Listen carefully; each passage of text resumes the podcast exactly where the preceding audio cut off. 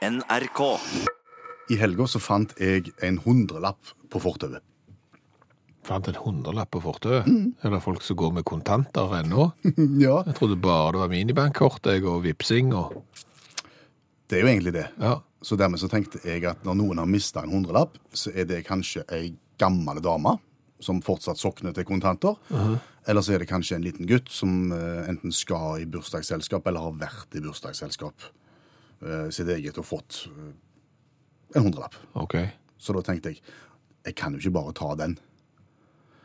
Så da begynte jeg å se meg litt rundt. Kan det være noen her som kan ha mista den? Eh, Så ser jeg det står en nabo og spyler plenen sin. Spyleplen. Ja, Vanning kalles det. Ja, I disse dager kalles det spyling, for det er så tørt disse dager. Jeg gikk til han og så spurte jeg, du, jeg, har funnet en hundrelapp her. Du, det er ikke din. Du vet ikke om noen som kan ha mista den her? Nei, han hadde ikke hørt om det. Jeg syns bare du skal ta den, jeg, sa han. Så så jeg meg litt rundt, og så tenkte jeg ja vel. Da, det er for galt at han ligger her, så jeg tok han. Ja. Ja. Nei, nei, ikke vet jeg. eh, Men det er jo sånn at hvis du finner penger, eh, så kan du jo ikke gjøre det på samme måten som hvis du finner en vott, ei hue eller et skjerf. Eh, For finner du det på gata, hva gjør du da? Ja, Da henger du det opp på en eller annen plass hvor det er synlig. Ja, sånn det nærmeste gjerdet eh, til der du fant det, eller en grein på et tre, eller noe sånt. Der som er hytta, der henger det et sebramønstra skjerf nå for tredje året på rad eh, på, på den samme greina. Alle som skal inn på hyttefeltet kjører forbi. Det er tydelig at sebramønstra skjerf det er ikke inn. Det er ingen som vil ta det. Hverken de som eide det, har mista det sikkert, eh, eller noen andre. Men det kan du ikke gjøre med penger. Kanskje det. Nei. Så tenkte jeg litt også på, på inflasjon, og på hva vi egentlig ser på som verdi i våre dager. Altså, Før så tok en gjerne opp et kronestykke hvis en fant det på fortauet. Eller en 50-øring. Tar du ikke opp kronestykket? Nei, det gjør jeg ikke. Går du forbi hvis det ligger ei krone på bakken? Ja, det gjør jeg. Den plukker jeg opp. Du, du gjør det, ja? Ja, ja, ja. Femkroning òg? Ja, ja. Selvfølgelig. Ja, ja. En tikroning tar jeg. Finner jeg en tikroning? En 20-kroning? Ja. Ja, Fins ikke tider lenger. Nei, det? vet ikke. Vet ikke. Jeg har ikke greie på det. Det er ingen som går med kontanter lenger. Det er Nei. det. Nei, men Tror du det, at, at det har endra seg litt? At en oh, ja. har blitt litt mer blasert? Ja, garantert det er blitt mer plassert. eh, For det er jo sånn, bare å se på det med pant, for eksempel. Ei flaske, en boks, har verdi ei krone. Ah, ikke alle som gidder. Nei.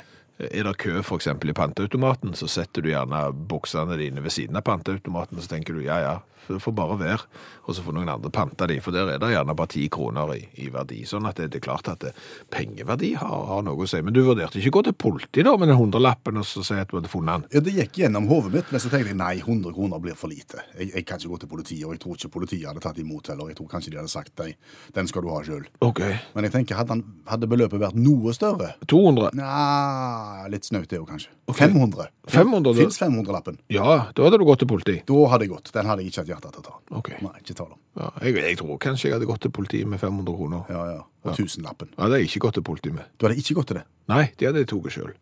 Du ville gått med 500-lappen, men ikke 1000-lappen. Ja, ja. ja, men Det er logisk. Nei, det, ja, men det er nesten logisk.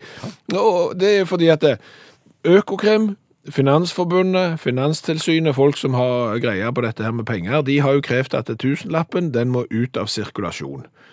Og, og det er fordi at de mener at tusenlapper de blir bare brukt i forbindelse med svarte betaling, narkotikaomsetning og valutasmugling videre. Det er ingen vanlige folk som bruker tusenlapper. Hva de brukte du tusenlapp sist, eksempel? Konfirmasjonen.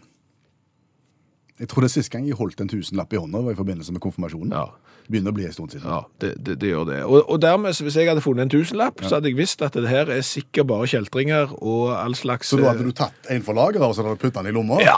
Da hadde jeg tenkt det, det, skal iallfall ikke kjeltringene få han. Nei, altså Mest sannsynlig så hadde jeg vel da gitt han til, eh, til en veldedig organisasjon. Stappet han på ei Frelsesarmé-bøsse eller et eller annet sånn Ok. i butikken. Med 500 kroner, det hadde jeg gått til politiet med. 1000 kroner, det hadde jeg gitt vekk. Hva er det meste du har funnet? Jeg tror ikke jeg har funnet så spesielt mye av verdi. Jeg har funnet eh, 200-lapp, og det var ganske nylig jeg fant en eh, 200-lapp, for da så jeg at det var en som mistet den. Ja. Datt han på bakken, og han turte av gårde i full full fart, og jeg liksom, hallo, hallo, du mista 200 kroner. Han reagerte ikke, jeg sprang etter han, og til slutt så nådde jeg han igjen, så ga jeg han 200 kroner, vet du hva han sa? Nei. Ingenting. Han sa ikke takk engang? Han sa ikke takk engang, han bare tok han. Da hadde jeg fyrt han. Ja, jeg òg. Det var måte på. Ja. Men, men kanskje det er noen fine historier? Hvis du så hører på, eh, Det hadde vært gøy å høre fra deg hvis du har funnet beløp på hvor mye du har funnet. Da sender du en eh, melding til utakt, eh, krøllalfa nrk.no, eller så kan du gå inn på Facebook-sida vår og Facebook-gruppa der, og så skriver du liksom 'da jeg fant det 10 000 kroner', eksempel i en madrass eller eh, et eller annet en annen plass. Du, Ja, du liker jo så å si at du er musikalske. det hender det. At du har øyre for musikk. Mhm. Sånn at hvis du sitter i bilen og hører på radioen og hører en sang som du aldri har hørt før, Ja. Så føler du liksom her var var noe kjent med han. Jeg har en følelse av hvordan denne sangen er, og så synger du gjerne med litt på refreng og, og vers. Og det går ofte godt, det. Ja, Ja. det, fordi at du har en viss form for musikalitet. Yes. Jeg tenkte at vi skulle teste om du har en musikalitet. OK. Ja. På hvilken måte? Jeg har funnet fram eh, noen karaokesanger. Altså sanger uten tekst? Altså Ja. synging på bare, bare kompe? Ja, Ja. eh, som jeg tenkte at du skulle få lov å synge oppå, uten å ha forberedt deg, bare med å liksom være i, i bilen og høre sangen for første gang. Men er du helt sikker på at jeg ikke har hørt den før? For jeg har hørt veldig mye musikk. Ja, jeg, vet jo at du er ganske god på, på musikk og på mange, mange sjangere og, og tider, men så vet jeg at det er et veldig mørkt hål der, et stort krater av uutforska populærmusikk som du ikke behersker. OK. Hvor er vi da? Vi er i Tyskland. Oi. Ja, eh, tysk populærmusikk. Og, og, dermed så har jeg lagd en helt ny konkurranse mellom oss to, eh, som heter følgende. Wir spielen gezwungenes deutsches Karaoke.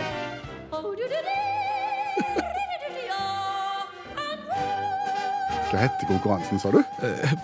Tvungen tysk karaoke heter den eh, hvis du oversetter det til norsk. Du skal altså synge en popsang fra Tyskland med tysk tekst uten noensinne å ha hørt sangen før. Jeg får teksten i hånd? Ja, OK. og der står teksten, og så står det en liten parentes når du kommer til refrenget, sånn at du skal skjønne at å ja, det er refreng. Eh, Og så skal du bare synge så godt eh, som du kan. Er dette god radio? Jeg er litt usikker, det er jo første gang vi prøver, så det vil vise seg. Men, men det jeg har tenkt for at det kanskje skal være bitte litt bedre radio, eh, det er jo at eh, du som hører på radioen, du må jo vite hvilken sang Per Øystein skal prøve seg på. Du må ha hørt den sangen bitte litt før, sånn at du vet om Per Øystein er i stand til å synge sangen sånn som den faktisk skal være. Så hvis du nå bare går ut, bare, trenger ikke bare gå rett forbi døra der, sånn ja. Da er Per Øystein ute av studio, og så skal jeg spille litt av den sangen, sånn at dere kan høre hva han skal prøve seg på.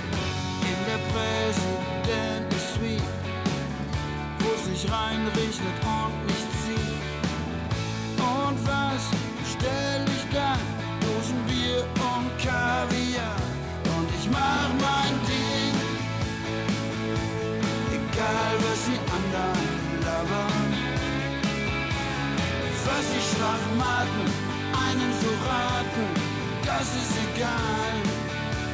Ich mach mein Ding. Det er da den eh, tyske klassikeren eh, Mein Ding med Udo eh, Lindenberg, og Kan jeg komme nå? ja, nå kan du komme. Er du klar? Altså, her er teksten, og så skal du synge, da må du ha bitte litt klang. Hei, hei, hei. Hei. Ja. Kan jeg se på teksten før, før du går i gang her nå? Ja, du ser der står det refreng, og der står det In der presidentsuite hun nicht reg... Oi.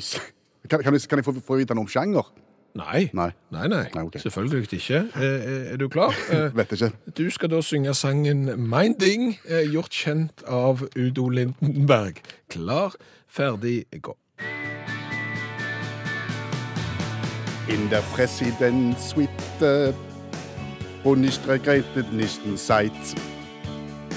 Und was bestellt ihn dann? Dussenbeer und Kaviar. Refrain kommer nå. Und ich mach meinen Ding. Egal wann an den aber labern. Was die Schwaschmassen an einem zu raten. Das ist egal. Ich meinen Ding. Sann. Var jeg altfor tidlig ferdig?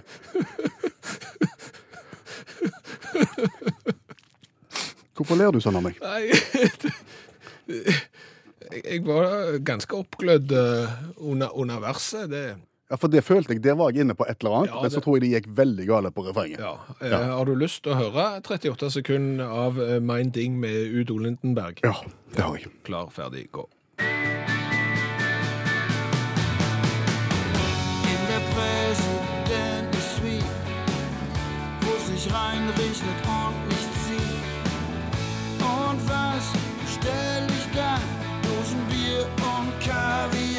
Kaviar. Så refrenget. Mach mein Ding, Mach meinen Ding.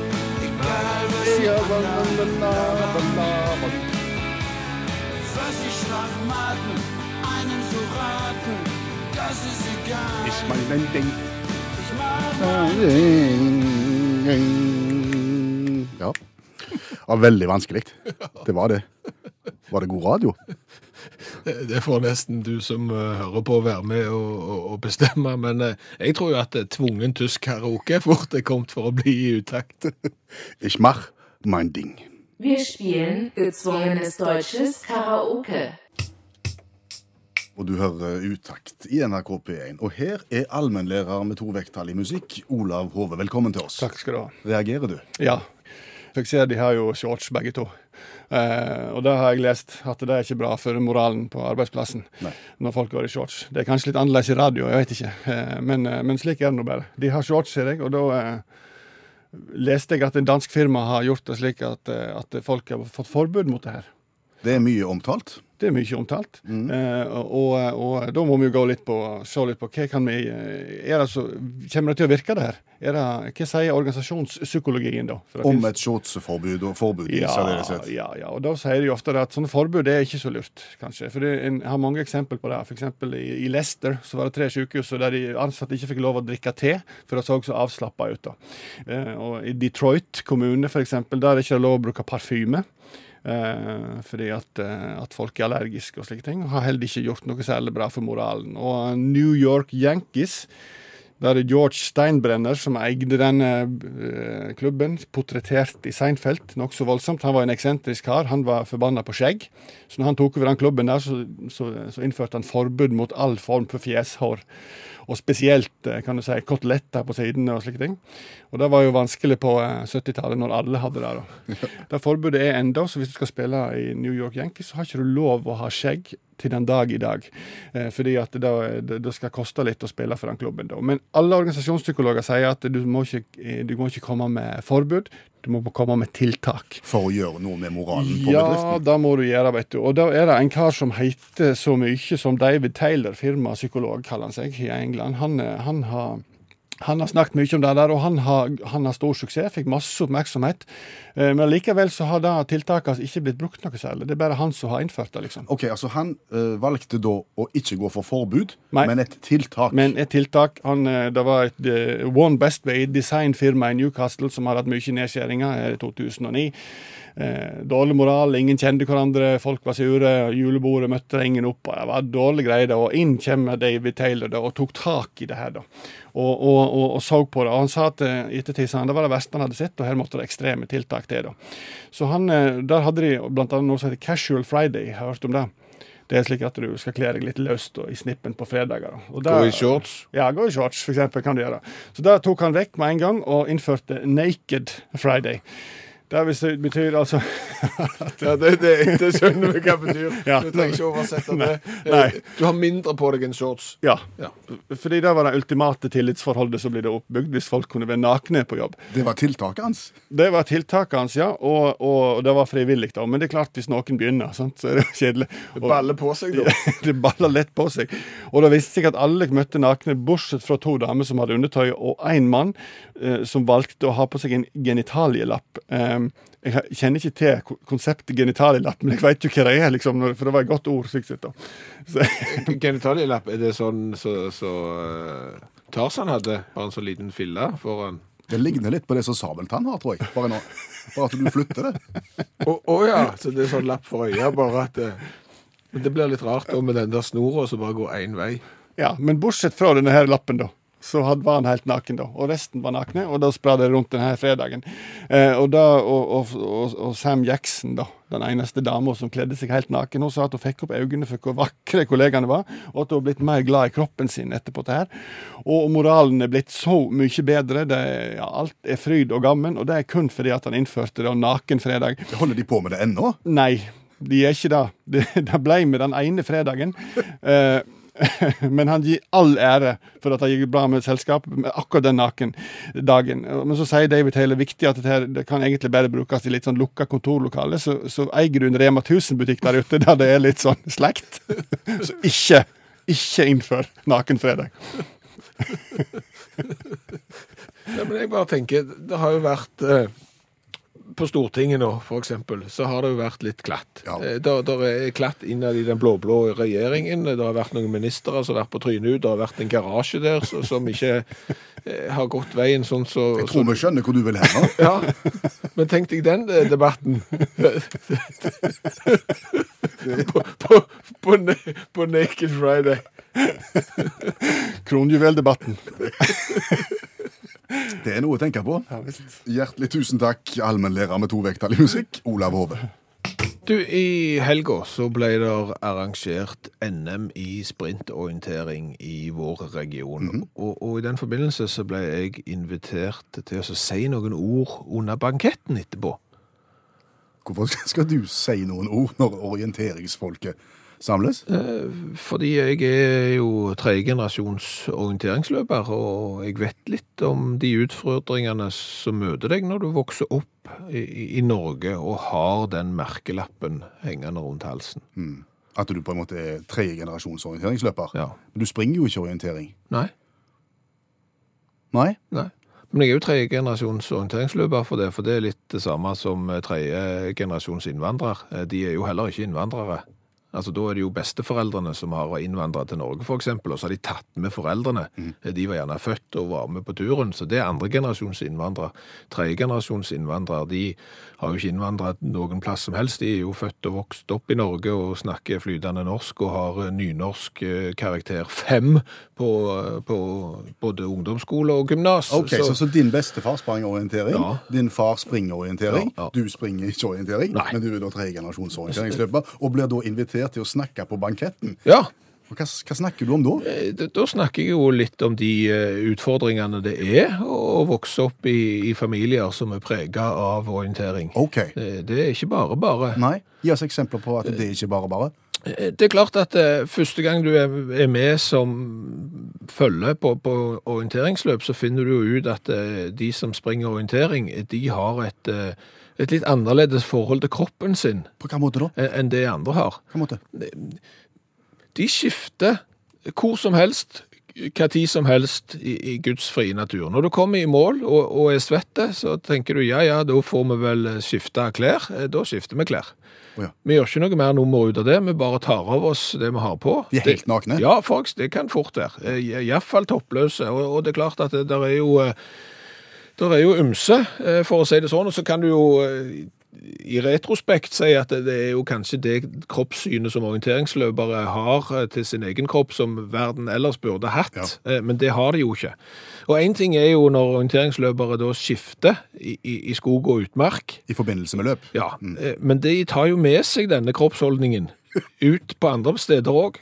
Og det er jo ikke veldig stas for en tiåring å ha eksempel en, en, en, en bestefar eh, som bare bytter til badebuksa på stranda. Uten håndklær, sånn som vi andre Ja, gjør? ja. Nå skal vi bade. Da tar vi på oss badebuksa. Én, to, tre. Vi andre vi har jo gjerne kledd av oss til vi kun står i underbuksa igjen. Så tar vi gjerne badebuksa oppå underbuksa. For så å prøve å fiske ut underbuksa under eh, badebuksa eh, med én fot av gangen før vi var Eller har prøve med håndkle. Så, så det er jo problemet har ikke orienteringsløpere. Nei, eh, de, de, de har jo Men det at du sliter med det, er det et slags sånn, eh, orienteringspost? Traumatisk eh, nakenhetssyndrom, på en Ja, måte? ja, det er mange. Det, dette er til orientering. Ja. Ja. eh, så, sånn er det. Ellers er det jo litt den der eh, å, å være følge til folk som, som springer orientering, er jo heller ikke bare bare når det gjelder liksom det, det severdige. OK. Du kan jo tenke det at hvis du har unger eller foreldre eller noe sånt som, som driver med la oss si, håndball eller fotball, så kan du gå på tribunen og så kan du se på hva de driver på med. Hvis du er pårørende til noen som er, driver med orientering, ja. så blir du med de til startområdet, så forsvinner de inn i skogen, og etter noen timer så kommer de ut igjen. Og du har ikke hatt noen ting å se på annet enn de som har kommet i mål og skifter.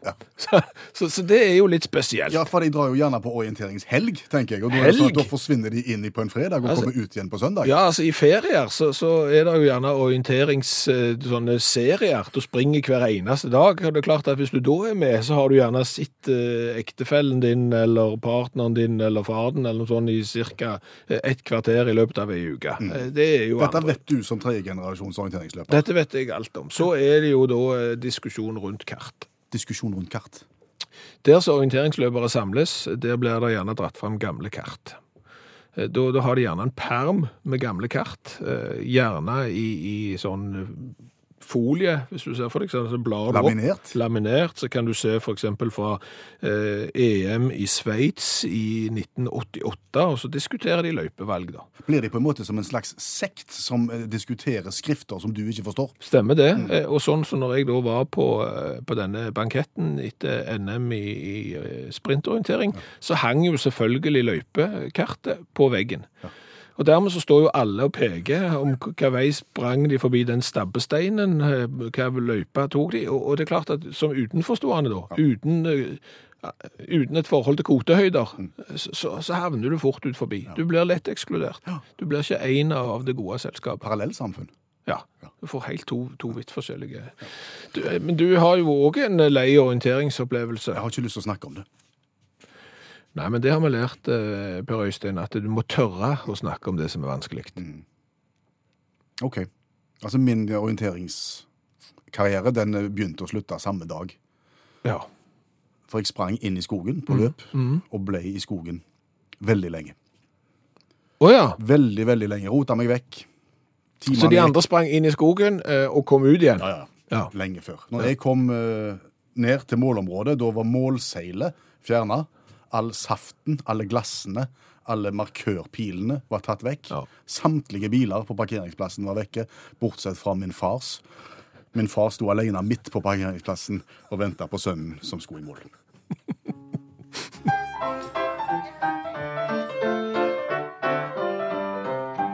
Dette er en helt annen sang. Ja. Det er dagens revyvise. Det er der vi utfordrer hverandre til å kommentere nyhetsbildet ved hjelp av en 27 sekund lang sang. Det er din tur i dag. Vær så god. Ja, og det er jo det. Hvilken sak skal du velge? Det er mye gøy der ute. Eh, Karin J eh, har vært inne på Facebook-gruppa Utakt og, og tipser oss om en artig sak. Det er jo nemlig han Michael Rotondo. Hva er det med han? Eh, han må flytte hjemmefra. Fordi Fordi at foreldrene har gått til, til sak. Eh, De har rett og slett vært i retten for å få han til å flytte hjemmefra. Han er 30 år da. Så for åtte år siden så flytta han hjem igjen. Okay. Og siden den gang så har de ikke fått han ut. De har prøvd, eh, sagt kanskje du skal flytte ut. De har sågar gitt han skriftlig beskjed om at du får ikke bo her lenger. Eh, de har oversett han på, på det groveste, og det gir ingenting hjelpe. Til slutt så gikk de til retten. Han ble nå dømt i, i mai til å flytte hjemmefra, og han må være ute av huset før juli. Har du skrevet sang om dette? Nei, jeg har ikke det, eh, for den var gøy. eh, Men jeg falt for en sak i, fra Dagbladet i, i dag. Eh, De har nemlig følgende overskrift. Overskrift, ja. Overskrift. Skapte sterke protester i Nederland. Nå settes analplugg-gnomen opp i Oslo. Du skal komme på det òg? Ja, du, du ser at det der ble, kan bli revyvise av det. Ja. Hva er analplugg-gnomen for noe? Det er en eh, skulptur som egentlig heter Santa Claus. Eh, Det er en nisse som holder på et juletre. Okay. Eller kanskje ikke. Er det kanskje noe helt annet? Ja, fordi at det er svært mange som mener at det er ikke juletre denne nissen holder, det er nemlig en såkalt analplugg. Og, Hva er det for noe? Altså, legg nå to og to ord sammen da, så skjønner du hva det er. Fordi at når denne skulpturen ble satt opp i Nederland, så skapte det massive protester, og, og den fikk da tilnavnet analplugg-gnomen. Først så ble den jo satt opp eh, ut forbi et sånn et eh, konserthus eh, der. Og, og så ble han flytta. Han har blitt flytta flere ganger, for det har vært eh, såpass sterke protester. Den konsertbygningen heter Det, Do, det er duellen, og det må dere huske, for det kom i sangen. Oh ja, det er duellen. Det er duellen, ja, i Rotterdam. Eh, Og siden har han blitt flytta. Nå kommer det da en ny versjon av denne analplugg-gnomen som skal settes opp i denne Ekebergparken skulpturpark i Oslo. Okay. Så den skal da stå i en rundkjøring ved Oslo Hospital. Og det er jo den sikreste måten å være bombesikker på at trafikken kommer til å flyte bra i rundkjøringer, det er å sette opp en eh, analplugg-gnom i, i rødt. Ok. Men kan- jeg bare få sitere en, en, en eh, Jonas Ekeberg, redaktør for tidsskriftet Kunstkritikk. Han sier det om denne kunsten, altså at det, det som gjør dette til interessant kunst, er at folk kan se det du vil se. Akkurat. Han som har lagd denne kunsten, altså, han, han stiller ikke spørsmålet med hva er det egentlig du ser? Det må du velge selv. Og det er klart at ser du en analplugg Juletre. eller et juletre. Det forteller jo ganske mye om deg som per person. Eh, kanskje er du analplugg-fyren, kanskje er du juletre-fyren. Hva vet vi? Her er sangen.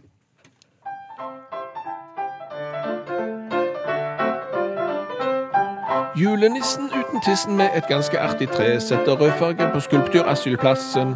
Er det juletre i hånda hans? Nei, kanskje ikke det, for denne grana her, den passer best i rassen. Analpugnomen fikk det tøft i det duellen, for kunsten passer best som stolpe i bakdelen. Mange vil nok julenissen opp med ribbe og med svor, og tukt og tuss og troll som oppfordrer til hor. Du, hva har vi lært i dag? Å, du all verden. Mye. Vi har lært mye. Ja, Vi har lært at jula varer helt til påske og litt til, faktisk. Eh, For en som hører på utakt, det var i butikken på fredag kveld den 25. mai, og fant julebrus til 10 kroner. Så det er et varp. Ja, eh, 25. mai. Det er greit. Så har vi lært det at nakenfredag på jobb, Innført i Storbritannia et sted. ja, det ble med den ene. Eh, De ansatte skulle da møtes på nakenfredag. Eh, Det som viste seg var at samarbeidsklimaet ble mye bedre på jobb etterpå. Eh, Så hvis du har et lukka kontorfellesskap eksempel, så kan jo nakenfredag være noe. Har du eksempel butikk der det kommer kunder, så er det ikke sikkert at nakenfredag er en så god idé. Så er det jo det å finne ting av verdi. Ja, det begynte med at jeg fant en hundrelapp på gata i helga. Ja, det blir lite.